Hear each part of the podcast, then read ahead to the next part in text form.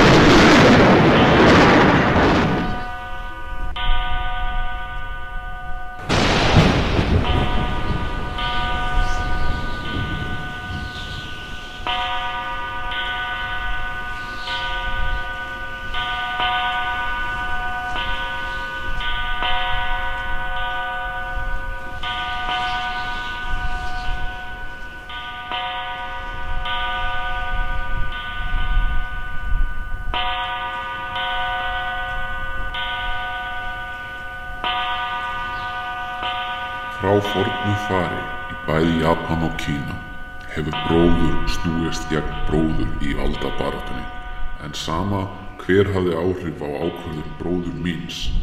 Fyrir keisaran að hunsa þau lög sem krefjast þess að hann síni fjölskyldu meðlinum sínum smá tillitsemi og hafnar jafnvel slóðinni sem pensill minn dregur sútrurnar sem ég afritaði með eigin hendi uppfullur eftir sjár og sektarkendi við mínu ránga hjarta lægi það get ég ekki fyrirgefið.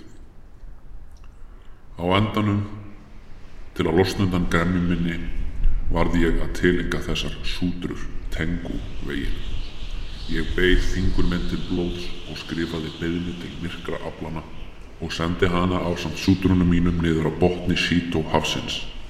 Eftir það lokaði ég mig inni og hitti engan og bað af ákafa fyrir því að fyrst ég fengi ekki að vera keisari. Þá skildi ég verða drottin allra yddra vætta.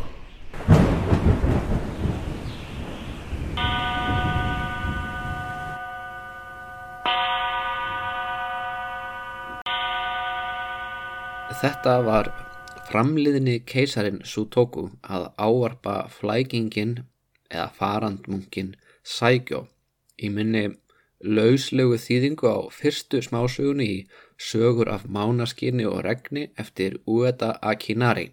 En sá hryllingssöguhöfundur var einn helsti meðsölubókahöfundur Japans á átjóndöld og já það stendur til að gera á endanum þáttum meðsölubækur á Edo tímanum en í dag ætla ég að ræða sögupersonuna, keisaran sem lést í útlegð og varðað konungi undir heimana og íllum anda sem að lokum náði hendum sínum á ætleg bróður síns. Og svo flökkumungin Saigyo sem kemur líka fyrir í þessari smásögu þegar hann er heimsóttur af þessum illa anda. Sutoku er einn af hinnum þremur miklu draugum Japans sem reyndar eru allir frá heiantímanum. Sá fyrsti þeirra er Sugawara no Michi-sane sem varða guðunum Tenjin og svo Tairano Masakato en höfuð hans flög frá Kyoto til Tokyo þar sem hann er nú tilbyðin sem guð alveg eins og Sugawara, þessir tveir draugar hafa orðið að uh, vinsælum guðum meðal alþýðunar og Sutoku, hann er þriði meðlimurinn í þessum vafasama hóp, já vafasama hóp uppreistna manna sem snýrust gegn uh, ríkistjórnum Japans en hvernig endaði hann þar? Hann var jú keisari Í síðasta þætti rækti ég hvernig árið 1100 hinnum fyrrum keisara Shirakawa tókst að ná öllum völdum í landinu. Hannum tókst að koma í vekk fyrir að höfuð Fujiwara ættarinnar kemist í ráþarastöðuna sem lögum sangkvæmt tileriðunum og árið 1103 fættist nýr krónprins Badnabad Shirakawa sem gamli keisarin greip strax í sína umsjó. Með öðrum orðum þá sá Shirakawa um það að stýra landinum fyrir hönd sonar síns á sama tíma og hann var að ala upp næsta keisara og það reyndist ekki líða langur tími áður en krónprinsin var krýndur strax árið 1108 þegar hann var bara 5 ára gammal var honum tróðið í hásættið af afa sínum. Og skiptin á einum keisara út fyrir annan skiptu auðvitað voðalega litlu málið af því þetta er nú bara tákgræn staða. Shirakawa hjælt áfram að stýra landinu fyrir afabat sitt en það bara 5 ára gammalt alveg eins og hann hefði gert fyrir són sinn En fyrir litla drengin þá hafði þetta eflust mikil áhrif. Að vera á leggskóla aldri og samt látin sitja í hásæti í langdregnum aðtöfnum, vera sendur í hof að færa guðum, fórnir, leiða pílagrínsvarir, skrúðgöngur, fylgjast með dönsum, floknum aðtöfnum og finna líka fyrir því að allir í kringuði koma fram við þig eins og þú sért lifandi guð. Það er ekkert mikið um að fólk leifi sér að knúsa þig eða skamma þig, myndi ég halda. Þú ert jú milliliður Guðs og manna einhvers konar heilögu vera. Þannig að vera svona keisarlegt bann eða bann og keisara á saman tíma það lítur að vera frekar skrítin upplifin jafnvel skrítnara ef það er hægt jafnvel skrítnara hlýtur að hafa verið að giftast konu á þessum aldri. Því keisari, hvort sem hann er 5 ára eða ekki þarf að hafa keisara innjú uh, ég ætla svo sem ekki að draga upp neina sálræna mynd af Tópa sem er fadir hans Sutoku um fjöllurefni þessa þáttar. Uh, hann var ekkit einstakur í sjálfu sér því að það höfðu verið ótal barna keisarar og jápil bara það að vera prins er frekar skrítið líka. Ég get vísað í þáttinum Murasaki Shikibu, hún lýsir fyrsta deginum í lífi keisarans Go Ichijo þegar hann er bara dags gamall þá fer hann í gegnum alls konar fyrðulegar aðtapnir, helgi aðtöfna sem tíkristýra högukúpu er vegað framann í hann og allir helstu embætismenn landsins lesa uppverðan úr þúsundar á gömlum fordkínverskum rytum sem má eiginlega gera ráð fyrir að flestir hafa ekki skilið innihaldið í tekstanum þegar herðan lesin upp. Ekki nema að þau veru alveg há-há mentaðir verið þennan tíma. En uh, já, þessi dagsgamli prins þurft að heyra þá. Ég gerir áfyrir að Tópa hafi upplifað svipað aðtöfn þegar hann var bara dagsgamal. En hann að sjálfsögðu var látin gifta sig þegar hann var bara bann og að sjálfsögðu var hann giftur Fujiwara stúlku það var hún Fujiwara no Tamako sem er verðandi móðir hans Sutoku sem er umfjöllunar efni þessara þáttar. En Shirakawa hann var auðvitað mjög meðvitað um það hversu mikil áhrif eiginkona og móðir framtíðar keisara getur haft á stjórnlandsins móðir keisara getur í raunun og veru gert tilkall til þess að fá smá af völdum í landinu sem móðir keisarans. En uh, Fujiwara no Tamako hún átti eftir að verða móðir þryggja keisara Þannig að ekki bara Sutoku sem er sonur hennar. En hún Tamako, hún var tveimur árum eldri en Topa og þegar hún var 17 ára árið 1119 þá eignaðist hún dreng. Það er þessi Sutoku sem umræðir. Egin maður hennar, Topa, var á þessum tímapunkti 15. Hann ætti kannski að hafa verið 14 ára þegar getnaður átti sér stað og það er auðvitað alveg lífræðilega mögulegt. En, en eh, fleiri en einn teksti frá 12. öld setja fram um, aðra kenningu. Þar er því haldið fram að Tópa sé alls ekki fadirinn, heldur engin annar en uppeldisfadir stúlkunar, fyrrum keisari og valdamesti með landsins, engin annar en Shirakawa sjálfur. Sem ég verði bara að segja jæks, því að Shirakawa hann uh, sko grýpur líka Fujiwara og Tamako þegar hún er stúlkað aldrei og elur hana upp uh, alveg eins og Tópa.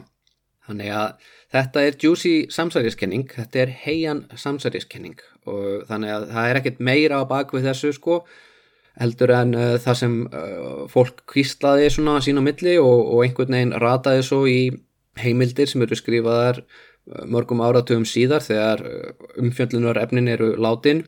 En ef ég ætla að meta þetta einhvern trúverðuleika skala þá myndi ég ekki segja þetta sé jafn ótrúverðugt og að segjum að jörðin sé flöt eða breska konungsfjölskyldan séu eðlu fólk eða eitthvað eins og tunglendingin hafi verið fölsun en ég, ég ætla að segja þetta sé að kenning sem er álíka trúverðu og að segja að CIA eða aðilar tengdi CIA hafi komið nálagt morðinu á Kennedy eitthvað sem að e, er kannski ekkit endilega satt en hljómar í mínum eirum ekkit endilega svo ólíklega þannig að já, samsæriskenning vissulega en ekki ólíklegasta samsværiskenning sem ég hef heyrt.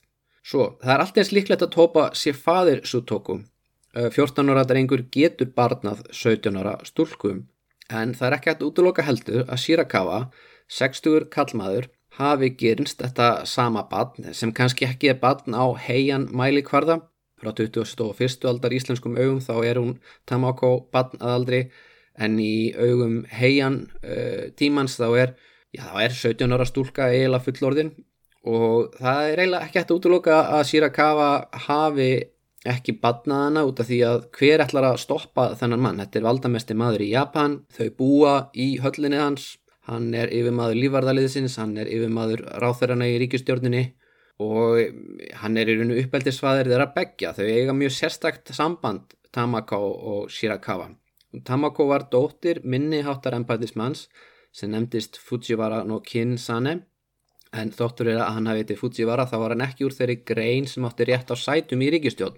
Eh, Kinsane var frændi Shirakawa og náinn pólitísku bandamaður og hann gaf honum dóttur sína í fóstur og Shirakawa reyndi í fyrstu að gera þessa fóstur dóttur sína að eiginkonu eh, sonar Fujiwara Tadasane sem var svona helsti pólitíski anstæðingur keisarættarinnar. Tadasane var Eh, meðlumur úr eh, Fujivarættinni sem átti rétt á ráþöra og, og ráðgjafarstöðum og var að reyna að endurreysa veldi ættar sinnar og hann hafnaði því að gera Tamako að, að eiginkonu sonar síns. Uh, og mögulega var hann bara frekar full út í Shirakawa að stinga upp á þessu. Þeir voru pólitískir anstæðingar uh, Shirakawa hafði rænt frá honum þar sem hann uppliði að var hans erðaréttur að þessi keisarar skuli dyrfastýri í eigin nafni, það hefur verið bara í augum hans algjört sko, já algjör neysam en Tamako hún var endonu gift með engum öðrum en keisararnum sjálfum með Toba og Toba er gerður keisari og þá segir blóðfaðir aðna Tamako, ekki uppeldisfaðir hennar, heldur blóðfaðir hennar, hann Kinsane, hann segir eitthvað um að fyrst hans í nú orðin tengdafaðir keisarans að hugsalega ætti hann að fá titilinn Kampaku og verða ríkistjóri fyrir keisaran. Þetta var sagt í gríni, öllu gríni fylgjur þetta alvara en þetta tóku þetta Tatasani mjög illa sem taldi sig eiga að vera ríkistjóra fyrir keisaran en Shirakawa var augljóslega ekki að fara að afhenda neinum völdin. Hann hefur sannlega glott yfir því að með þessu móti tókst honum að sundra samstöðunni innan Fujiwara ættareinar og meðan allt þetta var að gerast þá var Tata Sani upptekinn af því að, að já, gifta sinni sína öðrum konum og síðan leta hann eldri són sinn ætliða yngri bróðu sinn því að það var ekkert að ganga upp hjá uh, pa, því pari hjónabandi eldstasónar hans að eignast strák. Þetta verður mikið lagt síðar í þessum þætti. En á meðan þá ógs tópa úr grasi, hann var fullorðinn og Tamako, hún fór eignast börn, fleiri börn eftir því sem þau tvöurðu já fullorðnari og flestar að hljóta hafa verið börnin hans Topa. En það er ímislegt sem bendir til þess að Topa og Sudoku eigi ekki í svona mjög góðu svona sambandi. Árið 1123 þá ákvaða Shirakawa að það væri komin tími á nýjan keisara, Topa væri orðin full gamall í stöðuna, við erum að hafa tvítuga keisara því þeir halda ofta þeir séu keisarar. Og Sutoku sem á þessum tímapunkti var orðin fjögur ára gamall, að hann var alveg nógur stálpaður til að vera keisari, svo aðna Sutoku er gerður að keisara. Þannig að Þá er annarkort svonur Shirakawa eða langafa badnans eftir því hvernig spyrð orðina keisara og um svipaleiti var annar drengur á vaks úr grasi, drengur sem bar nafnið Tairano Kiyomori og átt eftir að verða mikilvægasti pólitíkus þessarar aldar. Kiyomori og Sutoku þeir eru næstuð í jafnaldrar, munurinn á þeim temur er aðalega sá að Sutoku er ofinberlega svonur keisarans og Kiyomori Hann er sonur hins keisaralega hestúsa haldara. Hann er sonur Tatamori, Tæran og Tatamori og Tatamori hann er úr ættinni Tæra sem hefur náða eiginlega að kaupa sig inn í hyrðina. Þetta er samuræætt utan af landi sem hefur orðið rík á því eigi viðskiptum við Kína og það er uh, í raun og veru fadir uh, Tatamori sem fyrst kemur þeim inn í hyrðina. Hann verður að uh, yfirmanni lífarðaliðs hans Shirakawa og hann bæli niður eina uppreist frá Minamoto ættinni og fyrir það þá vinnur hann inn mörg stig og það þýðir að sonur hans, Tatamori, eh, næra rýsa innan hyrðarinnar og er að lokum um það leiti sem að þarna, Sutoku verður keisari þá er hann hinn keisaralegi hesthúsahaldari, hann er, stýrir hesthúsunum og það er þetta mikil ábyrðastaða því að eh, hestar eru mikilvægt tól en á sama tíma þá er þetta ekki eins mikilvægt og, og uksa kerrunar Uxakerurnar er það sem aðarsfólki fyrir má, hestarnir eru fyrir samuræn og stríðsmennina í þjónustu keisarans. En öllu fallið þá er bara mjög viðjandi að, að það sé samuræi sem sé að fylgjast með hestúsunum og, og passa upp á allt ég standi þar. Og hann eh, yrkir ljóð og er nokkuð vinsall hjá hann Shirakawa en það vil svo til að eina hjákonum hans Shirakawa, Giyono Nyoko Uh, Njóko er hendar ekki nafnið hennar, það þýðir bara hirðmei og Gíón er vísun í atna, eitt af hverfum heians, hún er sérst úr því hverfi þannig ég get eða ekki sagt ykkur hvað var hennar raunverulega nafn en Gíón og Njóko Hún var eiginkona einhvers hirðmanns, hún losaði sig úr því hjónabandi og varð hjákona Shirakawa. Shirakawa nýtir hana í ímislegt. Hún í raunun og veru elur upp til dæmis keisaran Topa og uh, Fujiwara no Tamako. Hún gengur þeim í móður stað. Hún er eiginlega það mikilvægt fyrir Shirakawa þótt hún sé ekki ofnberlega kona hans. En uh, á einhverjum tíðanbúndi eftir, alveg 10-20 ára samband nánast, frá því hún er ung kona, hún er að verða miðaldra, þá eh, svona, breytist sambandera og, og Gion og Nyoko henni langar að giftast aftur og henni langar að giftast þessum Tairan og Tatamori og Shirakawa er alveg til í það hann, hann gefur þessu hjónabandi blessun sína nú ef að við trúum því að hann Shirakawa hafi verið einhvers konar eh, badnaperri sem að svaf hjá eh, fósturdóttur sinni ef hann var Jeffrey Epstein eh, heian tímans þá var Gion Nyoko Gíslein Maxwell þau eru rosalega svona samstags aðilar Gíón Jóko hún, hún plottar mikið með keisarunum eh, og, og er svona, já, svona fylgist með orðrómum og, og passar upp á ímsa pólitíska bandamenn. En það að hún fá að giftast Tata Móri síni það að Tata Móri er ansi nálagt innsta ringnum en samkvæmt einum orðrómi og nú ítrykkja ég að þetta er eiginlega bara orðrómur þá er hún Gion Nyoko, hún er ólétt og þeir gera díl, Shirakawa og Tata Mori já ég veit svo sem ekki hvort að setja að tala um díl þegar það er valdamestum aða landsins að tala við undirmann sinn en, en Shirakawa segir við Tata Mori að ef að þetta er stúlka þá skulle hann bara koma með hana til hans og hann taki þessa stúlku að þessir og aðlana upp sem keisaralega prinsessu hann skulle viðgjana hana sem dóttur sína og finna handan í góðan mann, jafnvel einhvern keisaralegan prins. Eh, ekki slæmu dýl fyrir þessa stúlku. En ef að það fæðist strákur, þá hefur Shirakawa eiginlega ekki mikið nót fyrir hann, hann er með allar strákana sem hann þarf og það má Tata Mori bara aðlan upp sem samuræja. Hann getur bara aðlan upp sem sinn eigin són. Og þetta er orðrumur og ef hann er réttur, þá er fyrsti sónur í hjónabandi, Gion no Nyoko og Taira no Tata Mori hins keisaralega hestúsahaldara eh, sonur hans Shirakawa, laun sonur hann er að þetta er skemmtilegt að hafa því huga þetta því að Sutoku og Tairan og Kiyomori þeir takast á og báðir gætu hafa verið launsinnir sama manns. Þetta eru svona heian samsæriskenningar og hallar orðurómar mögulega eru þeirra ofnböru föður hinn er raunverulegu föður kannski er eh, Kiyomori sonur hans Tatamori og alveg hrinnræktaður tæra og kannski að svo tóku svonur hans topa og ástæða þess að topa er svona illa við svon sinn kannski bara eitthvað annað. Stundum kemur fólki illa saman. Hvaðan um það, Kiyomori honum er kent að vera samuræi en ímislegt annað ekki bara að sitja á hestbakki og skjóta með boga, hann þótt aldrei sérstaklega góður í því.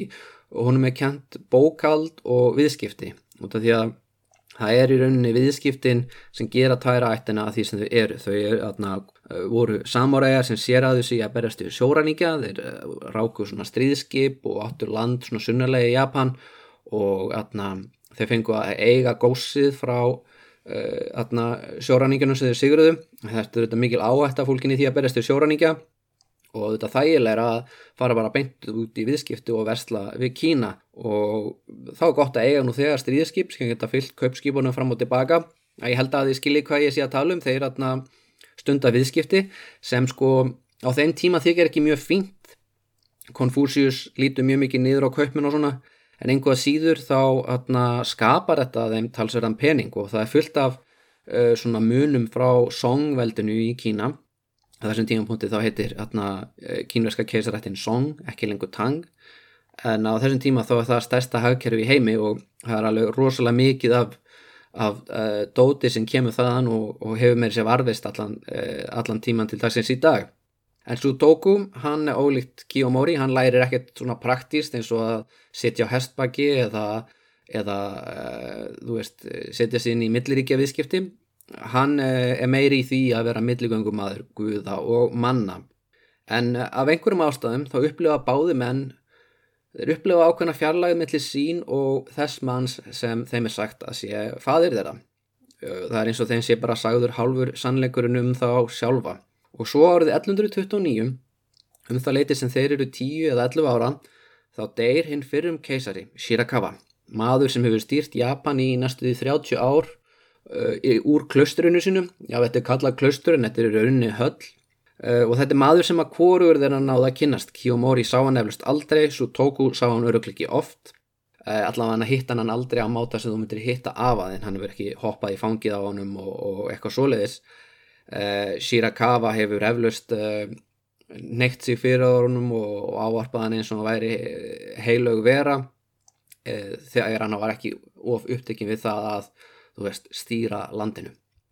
En auðvitað þá er döði Sýrakawa stort moment því að þetta er augnabliki þegar Topa nú fyrrum keisari og, og orðin fullorðin maður, vel fullorðin maður hann stýgur loks úr skugga af að síns og hann byrjir að stýra Japan sem er nýji yfir keisari hann í rauninni sjálfur fer í klaustur og og atna, byrjar að stýra ríkinu.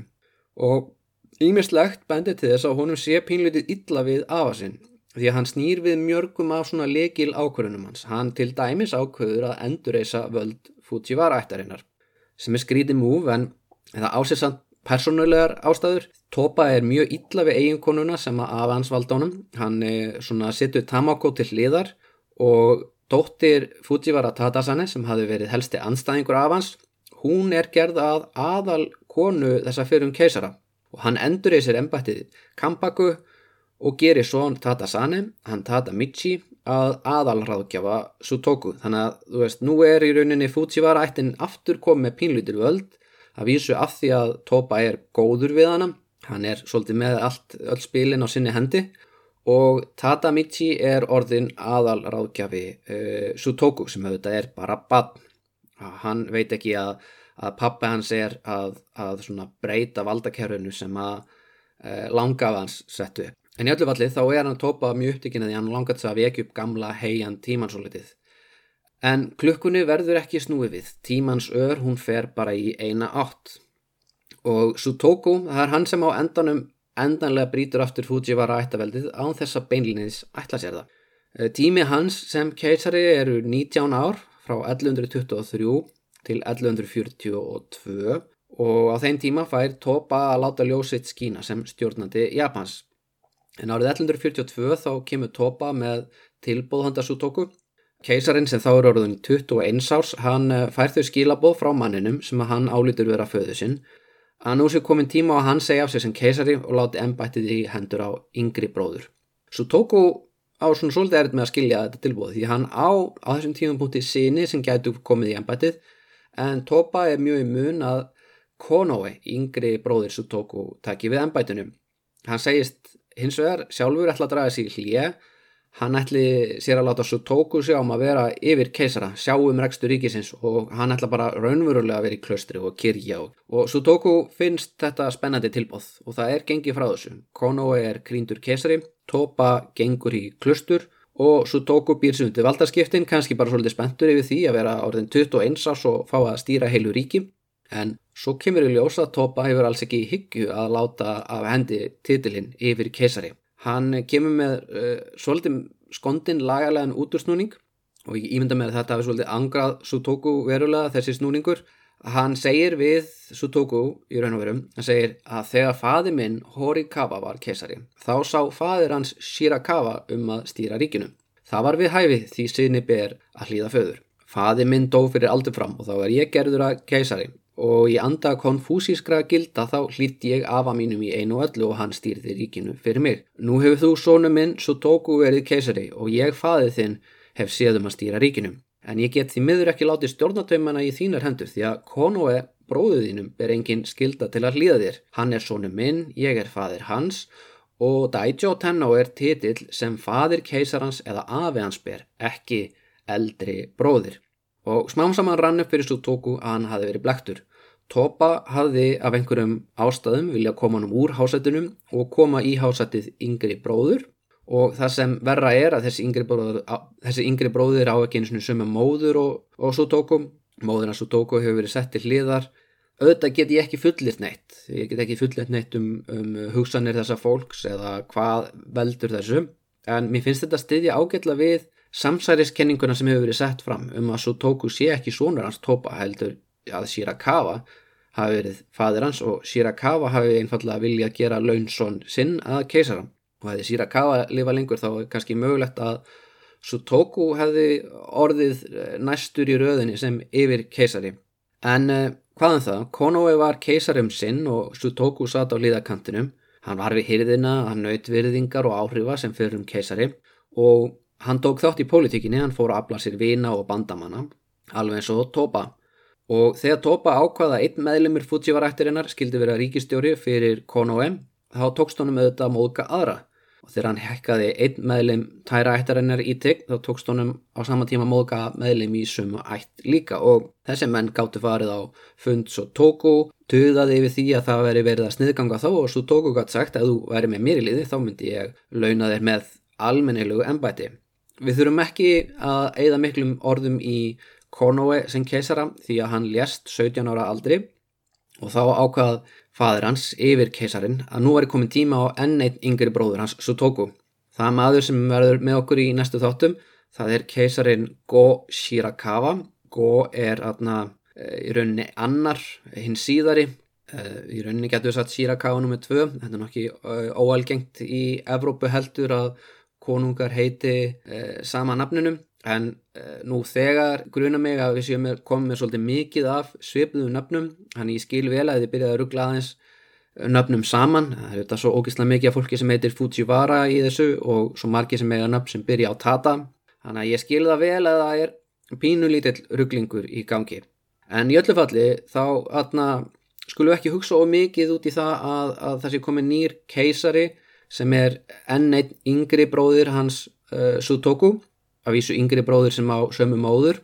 Hugsun fyrir ekkar út í það að Sutoku, hann er búin að eignast svon sem honum finnst að ætti að vera næsti keisari, svo hann getur orðið yfir keisari. Og það skiptir mjög mjög mjög máli að það sé haldið við þessa erðaröð en að þetta fari ekki að erfast frá yngri bróður hans Sutoku til svonar yngri bróður hans. Því þá mun hann aldrei öðlast völdin. Og hann fer á fund annara manna sem finnst fram hjá sér farið. Eins og ég sagði þá var hann Fujivaran og Tatasane með miklar áökjur af því að sonur hans og erfingi ætti engan son og hann hafði þingaðan til að ætliða yngri bróður sinn, hann Yorinaka.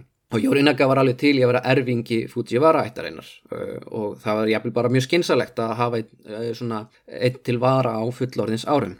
En svo vandast málið út af því að hann Tadamichi, hann eignast svon bara mjög seint með konu sinni. Og hann hefur ekkert áhuga að láta yngri bróður sinn verða erfingja nú þegar hann á sjálfur svon. Og þá kemur upp svona svipa vandamál og keisarafjölskyldan er að kljást við nema bara svolítið svona öfugt. Yorinaka, yngri bróðurinn uh, fer á fund Sutoku uh, keisarans sem uh, tilur sig að rétt á að stýra því hann er eldri bróðurinn og þeir tveir, þeir mynda saman bandalag Yorinaka, hann býðst þess að sapna saman samuræjum úr Minamoto-ættinni Minamoto-ættin er gömul skjólstæðinga ætt Fujiwara-ættarinnar og fullt af svona rittaraliði þar og Yorinaka hann lítur svo á að bróður hans sé frekar lélugur pólitíkus Sónur hans er of ungur þess að nokkuð fylgir sér aðanum. Sko, hann segir bara einfalda við Sutoku, ég get fært þér allt herlið Fujiwara ættarinnar og við gerum þig aftur að keisara eða við gerum sóniðin að keisara og þig að yfir keisara. En eina sem ég byrði um, auglastlega, er það að þegar þú ert þinn keisari, þá ætlað þú að skipa mig sem aðalráðgjafa, ekki eldri bróðu minn og alls ekki svonans. Og Sutoku, hann segir mjög skiljalega, ég til í þetta. Og þarna gerir svolítið sem eiginlega hefur ekki gerst í Japan e, síðan í 11. þætti eða með öðrum orðum í mjög margar aldir það er farið að berjast um það hver verður keisari ekki með brefasendingum ekki með ákærum ekki með uh, einhverju valdamakki sem snýst í að kæknum hjónaböndu eða hver mókaði hvern heldur með vopnum.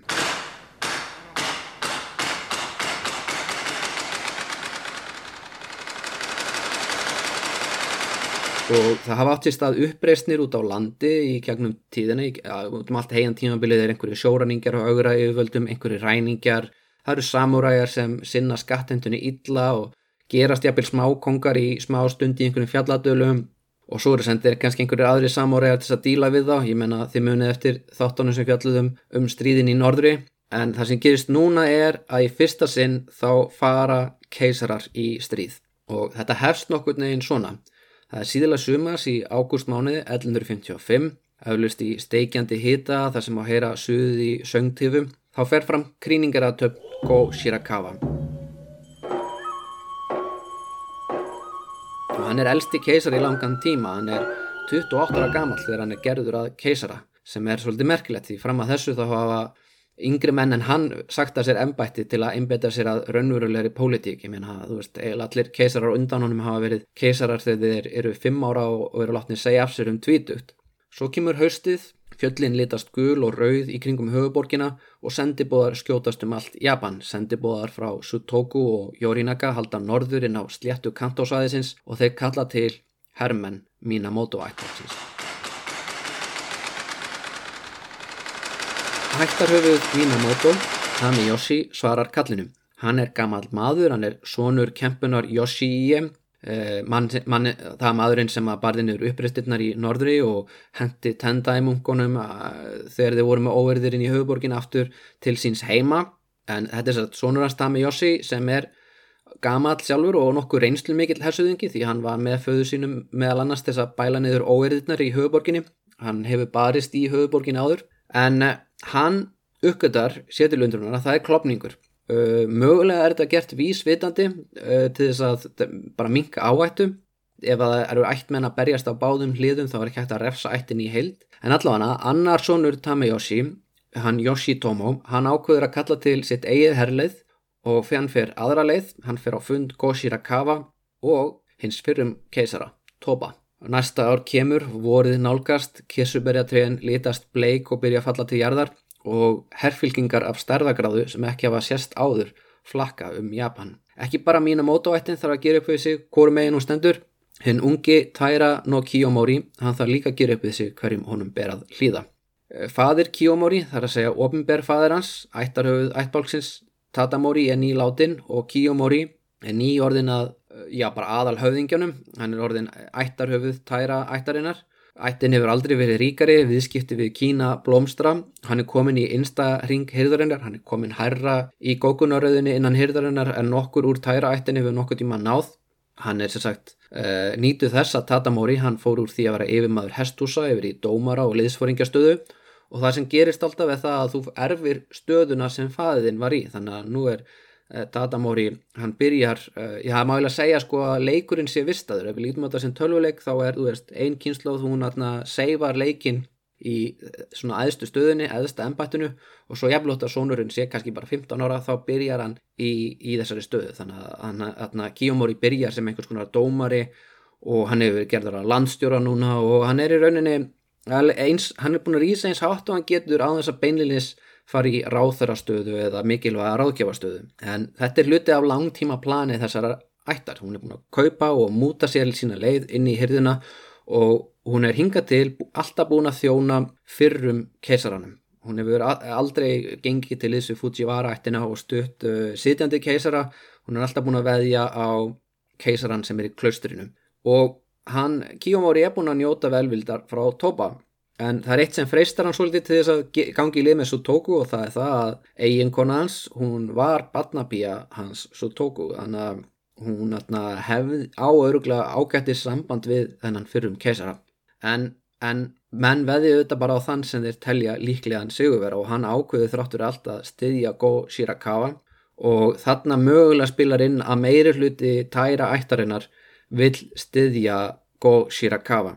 Það er svo í júlimániði 1056, nei fyrir ekki þau, það er svo í júlimániði 1156 sem boltarnir fara virkilega að rúla og hausur að fljúa. 20. júli deyr Topa 54 ára aldri. Þetta er svona ágættur aldur fyrir þann tíma, ekki það hár fyrir endilega fyrir um keisara. Afi hans, hann Sirakawa vart 70 og sumir aðalsmenn áðu jafnvel nýra þess aldri en einhvað síður. Um, Topa deyr 54 ára aldri og Sankant sumum heimildum þá átt hann, í, átt hann mjög skrautlegan lífstíl, hann hafði gaman að því að drekka og mögulega stitti það æfans eitthvað. En áttadögum síðar, 28. júli, þá mætast herinnir í fyrsta sinn og það er á götum höfuborgarinnar.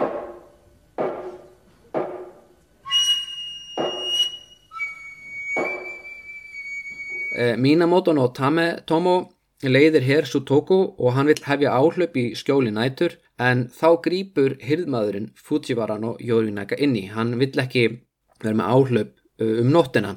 Eftir á að higgja þá hefði aðalsmaðurinn, hirðmaðurinn, átt að leifa aðunumanninum að stýra hernum því að bróður hans Tametomo, hann Yoshitomo, hann leiðir einmitt hér að næturlægi gegn uh, liðuna Sutoku og átök byrjaði að næstemma morguns og heldur áfram allan daginn Kiyomori og Yoshitomo leiða saman herlið og þeir hefja umsátur um Shirakawa klustrið þar sem Sutoku er.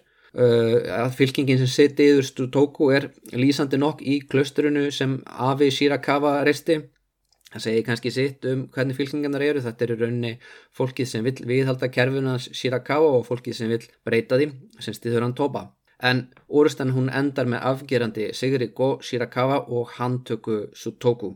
Og þarna í fyrsta sinn í sögu Japans þá er fyrrum keisari handsamaður af samuræjum og sitjandi keisari skuldar samuræjum stöðu sína í raun og veru.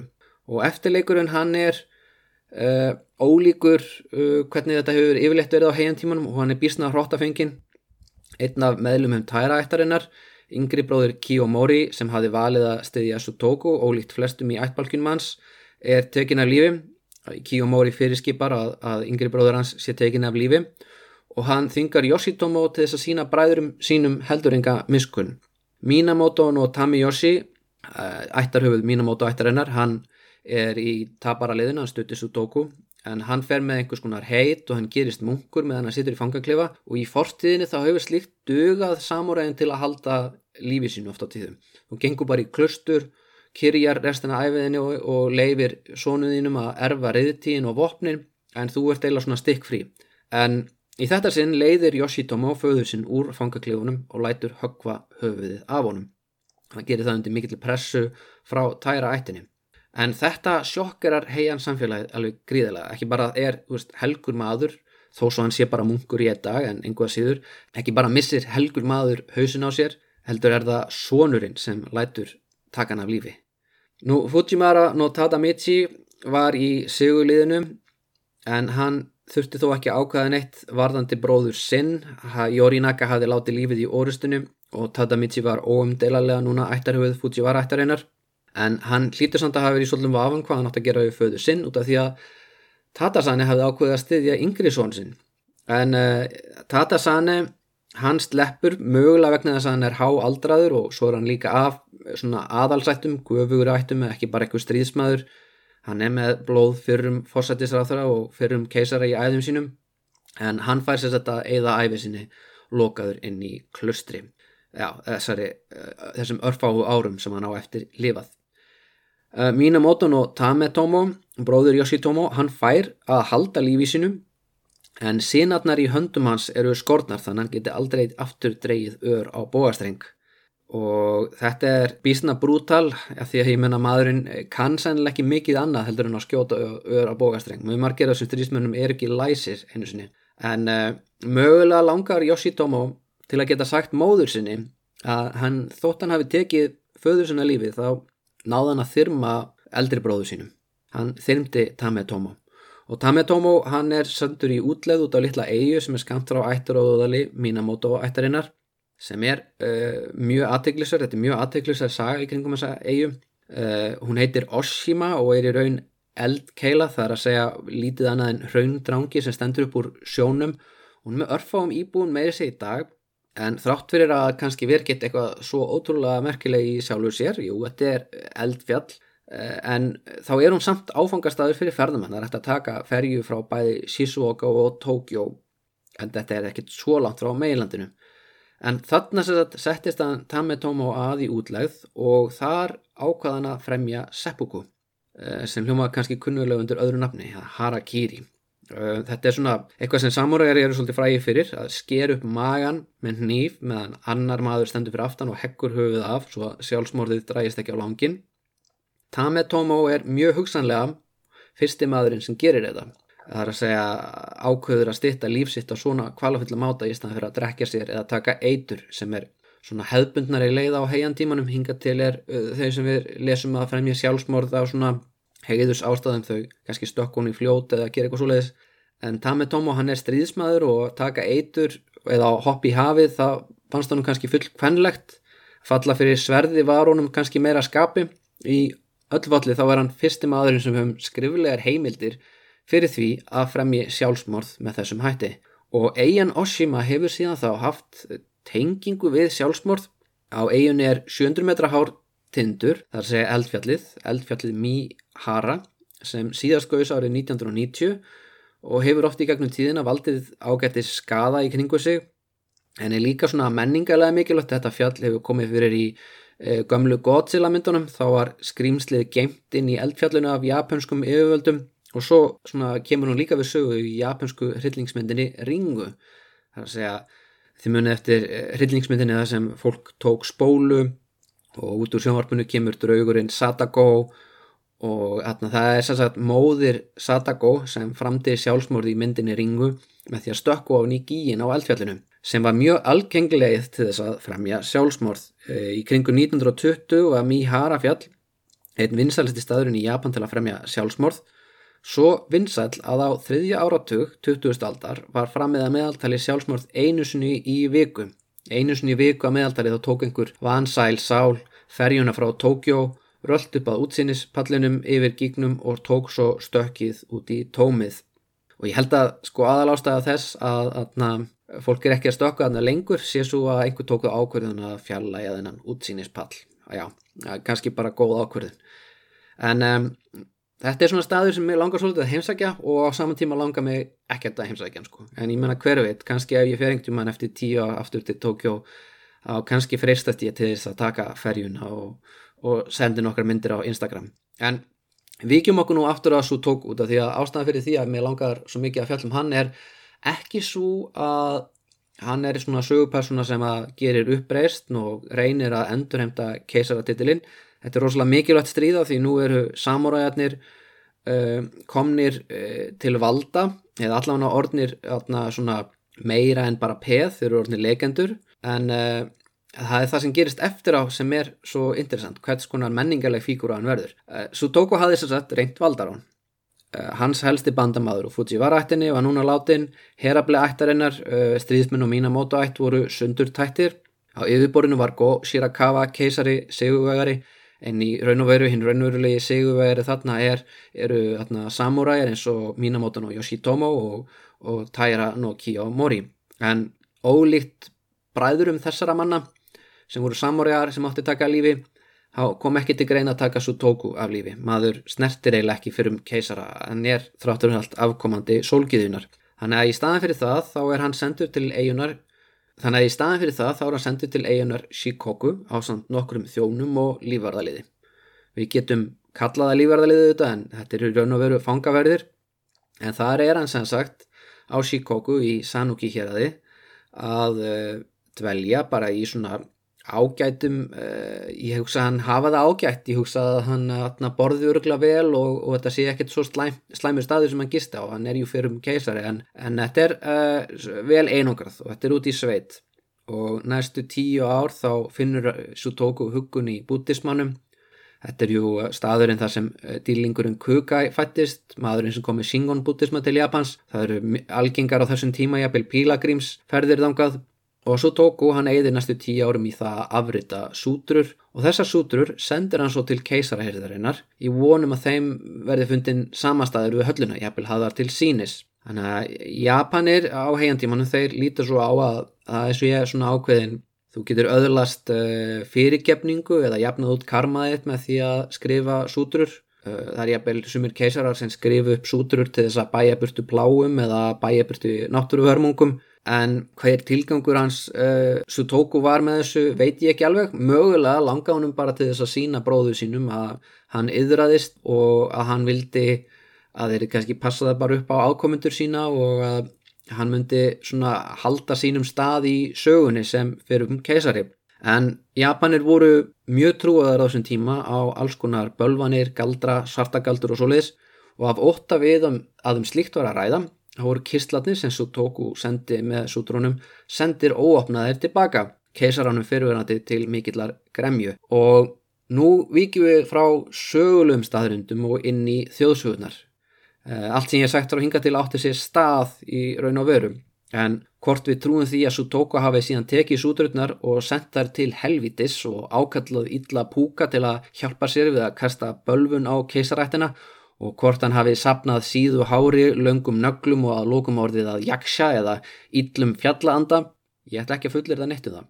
Uh, við hófum þennan þátt á broti úr sögu eftir rítönd á Edo-tímanum þar sem hann var að vinna með þessa þjóðsögu. Þar að segja að þegar munkurinn Saikyo gistir á fjallinu sem hann atna, uh, Sudoku uh, bjó í alveg þar til hann dó og vofa Sudoku kemur og heimsækir þennan flökkumunk Uh, Sækjó þessi, hann er svolítið merkilegu karakter, hann er eitt af stóru skáldum heiantímans, þó svo að hann sé enga meginn jafn þekktur á Vesturlöndum og segi Shonogan eða Murasaki Shikibu, en hann er brautriðandi því hann er svona fyrstur til þess að flakka fótgangandum Japan og yrkjum það sem hann sér. Hann verður fyrirmynd fyrir önnur skáld sem koma, sérstaklega á eto-tímanum sem fara að stælan og skrifa svona ferða ljóðabækur. Og Sækjó er nú þegar Nú þegar er nafnið hans vísun í ferðalag, fyrsta táknið merkir vestur og gjó þýðir ferðalag og þetta er vísun í þekta góðsögum kynverskan munk sem fer vestur á bógin til að finna hérna heilugu bútísku texta í Indlandi, ferðin vestur. Og í þessari sögu þá fer munkurinn með abakonginum og svíni og einhverjum hesti sem er í raun guð líka. Ja, þetta er svona saga sem við kannski ræðum við annað tilefni. En Sækjó þessi, hann var fættur í samuræja fjölskyldu og hann var hluti af varðliðinu við hyrð Topa keisara og Topa hann held mikið upp á hann Sækjó að því að Sækjó var gott skáld og einhver maður sem var gaman að spjalla við þannig að Topa bauð þessum lífverði oft á fund til sín til þess að bara spjalla saman og Sækjó var þess vegna ágættis framabraut þegar hann 22 ára aldrei, já bara 22 ára ákvaða yfirgefa konu sína, fjör ára dótturina sem hann átti með henni, tilkynni keisarannum skindilega að hann ætla að hætti í þjónustans og gerast munkur. Og eftir það þá rávar hann berfættur um Japan í marga áratvíi og yrkir meðal annars um tunglskinn, fallandi bleik laufa, kirsuberjatrjám og já, hverfuleika alls. Það er auðvitað mjög mikið að bútisma í hvaðumanns. En svo við tökum hérna eitt dæmi. Kokoronaki, Minimo Awarewa Shirarekeri Shikitatsu Sawano Akino Yu Geru Hjartalauðs maður myndi fyllast meðengum ef hann sæi að kveldi hrossagögin fljúa upp úr mýrinni til heimins.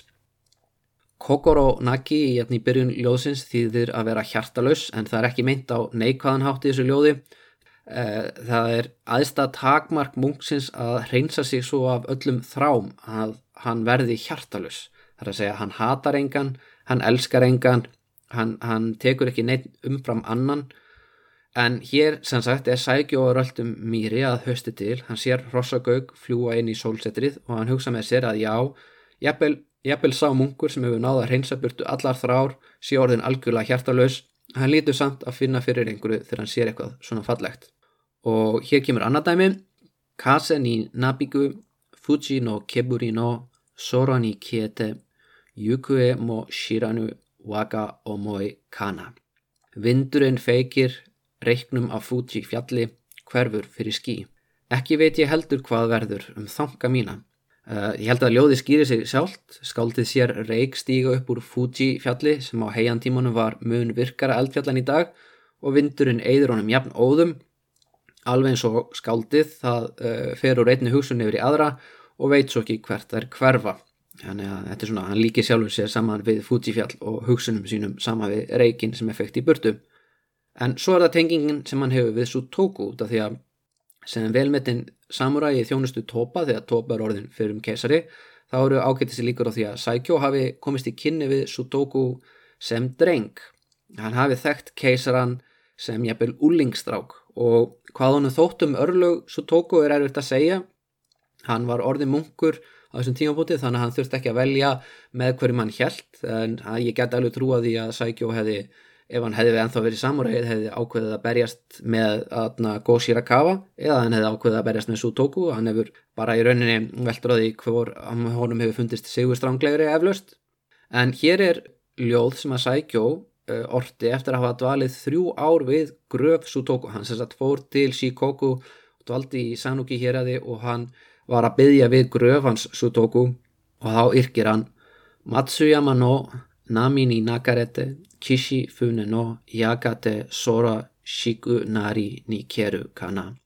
Báturinn sem fór á öldutoppi í átta Matsuyama svo skjótt orðuna engu hvar ertu nú fagra flei Ég er svo litið frjálslugur í þýðingum mínum, ég skal játa það, þó svo að bragarhátturinn sé réttur, en þetta ljóð yrkir hann Sækjó til minningar um keisaran, því að hann kemur að Matsuyama fjalli þar sem keisarin eitti sínum síðustu æfi árum og hann finnur engin ummerki um dvölans og hann yrkir því að gera svona smá myndlíkingu, þú veist, hvað er báturinn fagri sem koma til Matsuyama orðin að engu já.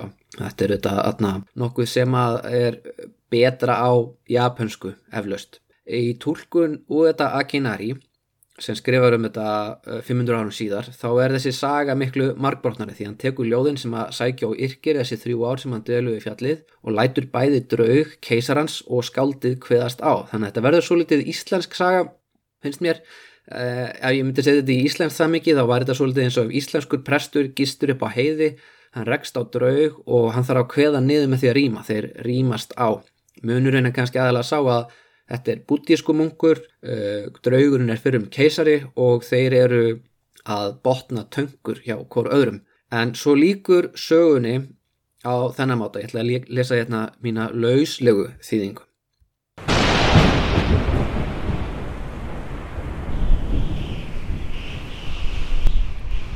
Tindarnir og dalitnir skjálfa. Vindurinn virtist ætla að rífa trén upp með rótum og lifti bæði sand og steinum á loft. Í næstu andra áskaust djöfulegur eldur undan fótum keisarans fyrfirandi og bæði fjöllin og dalitni lístustu eins og hátegisólinn hefði farið á loft um miðjanótt. Sækjó starði á hans hátegn baðaðan þessu ljósi og svo andlit sem var svo raukt að það var eins og það hefði verið baðað blóði. Skeggans náði niður á nýja Augun voru brjáluð af reyði, andadrátturinn þungur og sársökafullur eins og draugurinn væri þjakaður háum hita. Kirtillinn var dökk brútn og ataði með sóti. Neglutnar á höndum og fótum voru langar eins og á villetýri. Hann leiti út eins og sannkallaður djöbla konungur. Hann leiti til heimins og kallaði Sagami, Sagami og við það kom einn tengu svífandi niður eins og haugur, negði sig fyrir og beigð fyrirmæla mistara síns. Keisarin ávitaði hann reyðilega. Hví lifir Taira no Kiyomori enn? Hví lifir bróður minn Go Shirokawa enn?